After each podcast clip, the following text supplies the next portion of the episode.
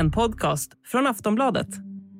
Varje år så köper vi runt 100 miljarder klädesplagg i världen. Men när vi har tröttnat på kläderna så dumpar vi dem. Den svenska modekedjan H&M uppmanar oss kunder att komma in i deras butiker och lämna in våra gamla kläder så att de kan säljas vidare eller återvinnas. Vi har nu köpt 10 hm plagg från second hand-butiker här i Stockholm och utrustat dem med airtags så vi ska kunna spåra var de befinner sig i realtid. Och vi kommer nu lämna in de här kläderna i H&M's butiker för att se var de egentligen tar vägen. Ja, det där var Aftonbladets reporter Staffan Lindberg som tillsammans med fotografen Magnus Wennman bestämde sig för att granska var våra kläder egentligen hamnar när man lämnat in dem till återvinning. Resultatet? De hamnade i Afrika. Som ni ser befinner vi oss ganska långt ifrån hm butiken i Stockholm där vi lämnade in våra kläder.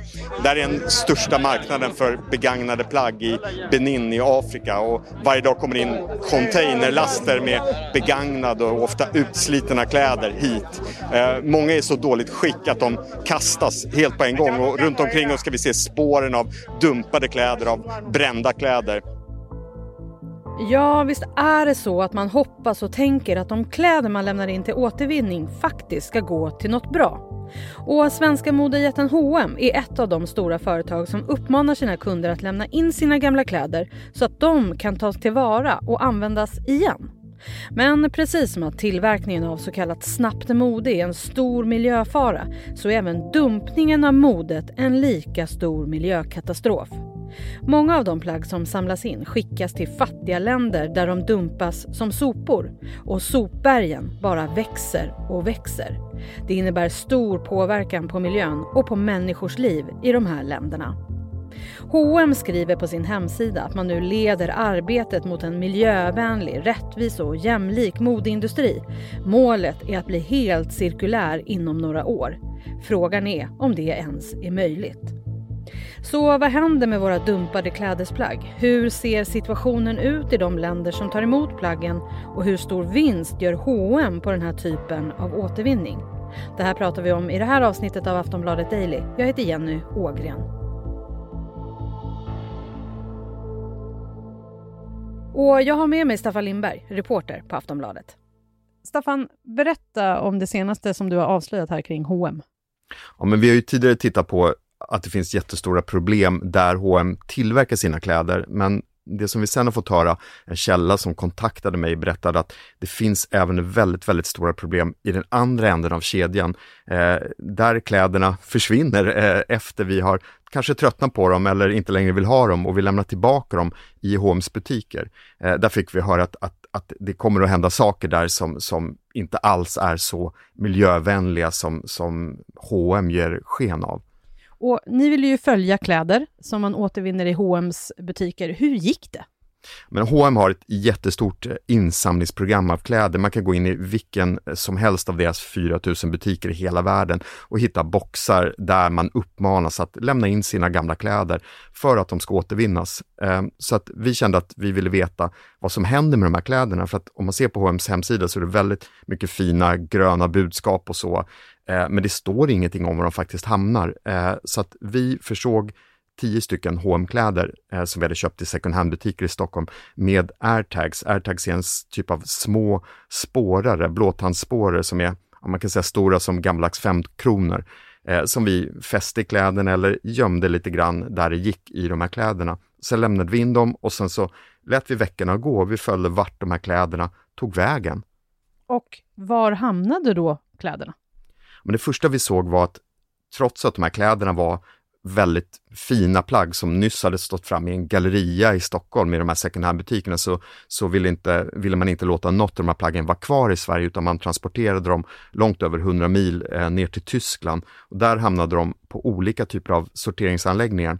Om man kollar på H&M's hemsida så säger man att plaggen ska hamna hos något som heter iCollect som är ett ganska känt hållbarhetsinitiativ i branschen för just att återvinna kläder. Men det vi kunde se var att det var inte alls där plaggen hamnade utan på tre kommersiella företag som samlar in kläder och som sen packar in dem i stora balar och säljer dem vidare. Och var tar de sen vägen då? Ja, men vi har suttit och följt de här dag för dag egentligen och kunnat se hur de, vart de tar vägen och, och, och några hamnar på långa landsvägsfärder eh, bort mot Östeuropa. Eh, ett par av plaggen som var fina och, och liksom nästan i nyskick har malts ner till fibrer. Eh, vilket också går emot vad H&M säger, för H&M säger att de kläder som kan återbrukas ska återbrukas. Eh, och sen har vi också sett att, att, tre av de här tio plaggen har hamnat i, i länder i tredje världen och, och det är länder med, med stora problem med, med textilavfall, med kläddumpning. Det är, ett hamnade i Benin, ett hamnade i Indien, ett hamnade i Sydafrika. Men då, då kom de ändå fram, de här kläderna, någonstans. Men sen vet jag att du och eh, fotograf Magnus Wennerman, ni åkte till Ghana. Det stämmer. Eh, vi åkte till Ghana och Ghana är ett land som har pekats ut som, kan man säga, en sorts ground zero för hela det här problemet med, med textilavfall. Det är där våra kläder på något sätt dumpas i enorm skala. Det finns en siffra på att Ghana tar emot ungefär 15 miljoner plagg från väst i världen, mest från Europa, varje vecka. Det strömmar in enorma mängder. Om man ser till hur många människor som bor i Ghana blir det här ungefär 25 plagg per person och år. Så det är liksom enorma mängder använt snabbmode kan man säga som strömmar in. Eh, och, och, det här har skapat en, men en total miljökatastrof. Det finns inga, inga möjligheter att ta hand om den här enorma inströmningen av, av, av kläder som kommer, utan kläder är precis överallt. Vi ska snart prata mer med Staffan om vad som händer med plaggen. Vi är snart tillbaka.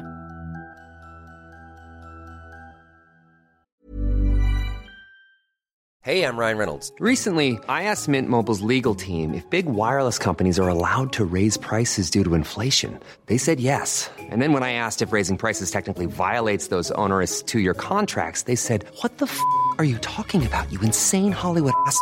So to recap, we're cutting the price of Mint Unlimited from $30 a month to just $15 a month. Give it a try at mintmobile.com slash switch. $45 up front for three months plus taxes and fees. Promoting for new customers for limited time. Unlimited more than 40 gigabytes per month. Slows. Full terms at mintmobile.com. 15 miljoner plagg per vecka. Det är ju en helt orimlig siffra. Vad händer då? Vad är tanken att ska hända med de här plaggen när de kommer till Ghana?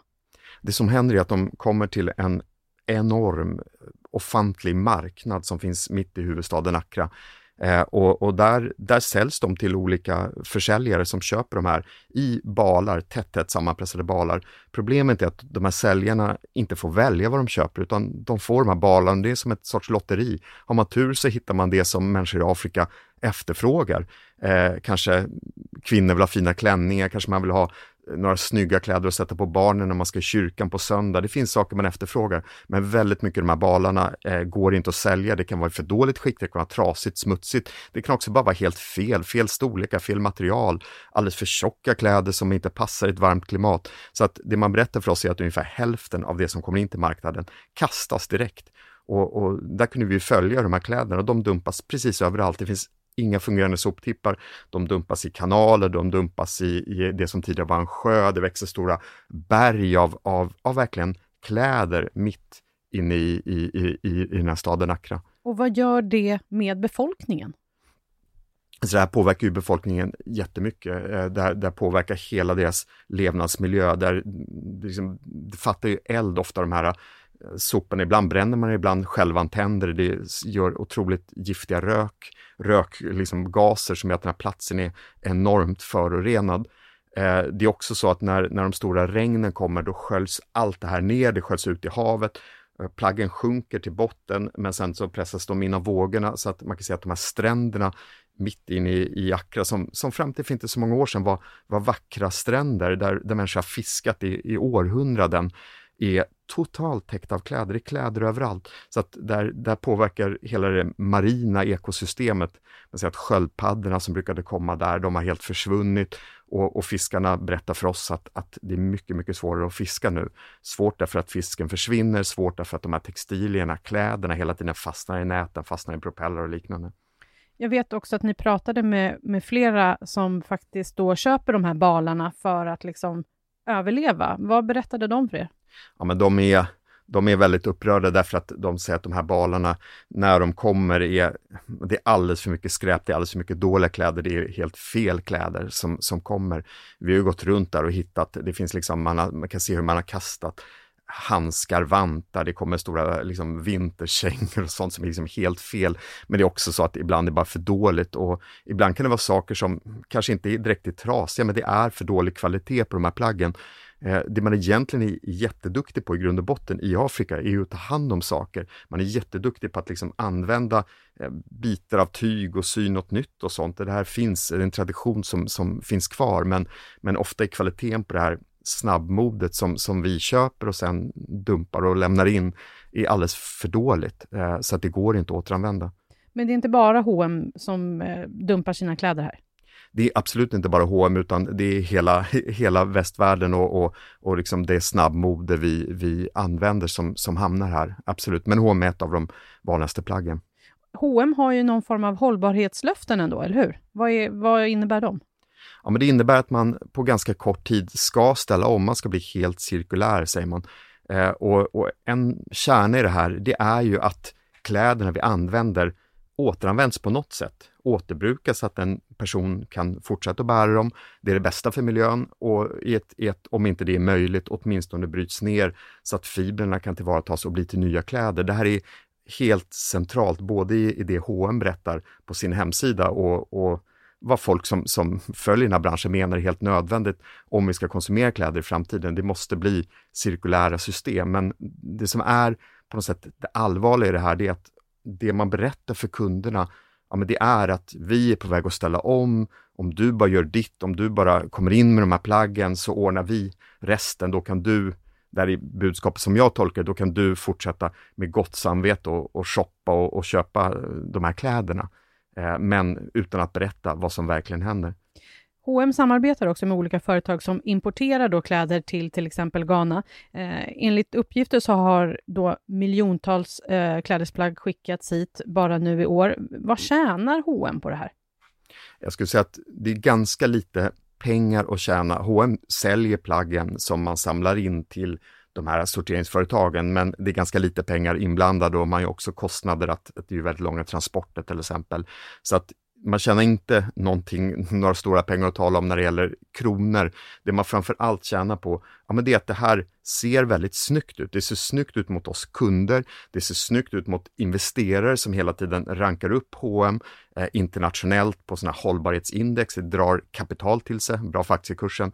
Eh, och det skickar signaler som man tjänar på mot lagstiftare, mot våra politiker, mot EUs politiker som ju är på gång att, att stifta väldigt tuffa lagar, inte minst på EU-nivå, mot fast fashion för att komma till rätta med de här problemen. Så det är ett sätt att trygga omgivningen och visa att vi har koll, vi leder den här omställningen, eh, vi sköter det. Och är det här också ett sätt då för klädföretagen att slippa ta hand om alla klädesplagg på hemmaplan, alltså så att vi inte har stora soptippar här i Sverige? Absolut, så, så, så, kan, så kan det vara. Problemet är på något sätt som man hela tiden kommer liksom tillbaka till, det är att det finns, ingen, det finns ingen som vill ha de här kläderna. Det där är min bild. Man, man, kan skeppa dem till de fattigaste länderna på jorden. Även om du skänker iväg ut de här kläderna så kommer man inte hitta människor som vill ha det därför att det tillverkas så mycket plagg, det tillverkas så mycket kläder, eh, mycket mer än vad, vad, vad som efterfrågas på hela jorden. Där tror jag är problemets kärna. Staffan, vad tror du kommer hända framöver med allt det här? Jag tror att det ändå måste till någon sorts förändring och, och därför att det här kan inte fortsätta. Vi kan inte fortsätta och, och dumpa våra kläder på det här sättet i, i fattiga länder, låta dem ta hela ansvaret. Det är på gång olika initiativ, inte minst inom EU, att det till exempel ska införas vad man kallar ett producentansvar, där det hamnar en liten peng för våra plagg eh, som, som ska gå till att sen ta hand om dem och, och det tror jag är helt, helt nödvändigt. Så att jag, jag tror och hoppas att, att det ändå kommer att bli något bättre. Men, men som sagt, grundproblemet är egentligen att det fortfarande tillverkas enorma mängder kläder som egentligen inte finns någon efterfrågan på. Så att exakt hur det ska gå till kan jag inte riktigt se nu. Tack för idag, Staffan. Tack. Aftonbladet har sökt H&M som inte ställer upp på en intervju, men skriver i ett mejl att hm gruppen är kategoriskt emot att kläder blir avfall och det går helt emot vårt arbete för att skapa en mer cirkulär modeindustri. Vi vet att det fortfarande finns utmaningar kopplade till insamling och återvinning av kläder och textiler men ser också att mer skalbara lösningar inom textilåtervinning håller på att utvecklas vilket är väldigt positivt.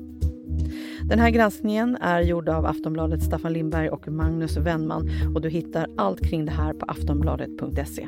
Jag heter Jenny Ågren och du har lyssnat på Aftonbladet Daily. Vi hörs snart igen. Hej då!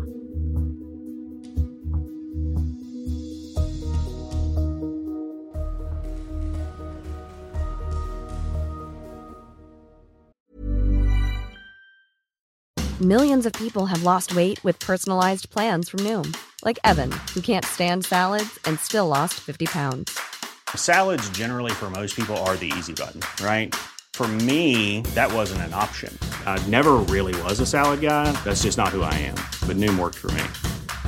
Get your personalized plan today at Noom.com. Real Noom user compensated to provide their story. In four weeks, the typical Noom user can expect to lose one to two pounds per week. Individual results may vary. Du har lyssnat på en podcast från Aftonbladet.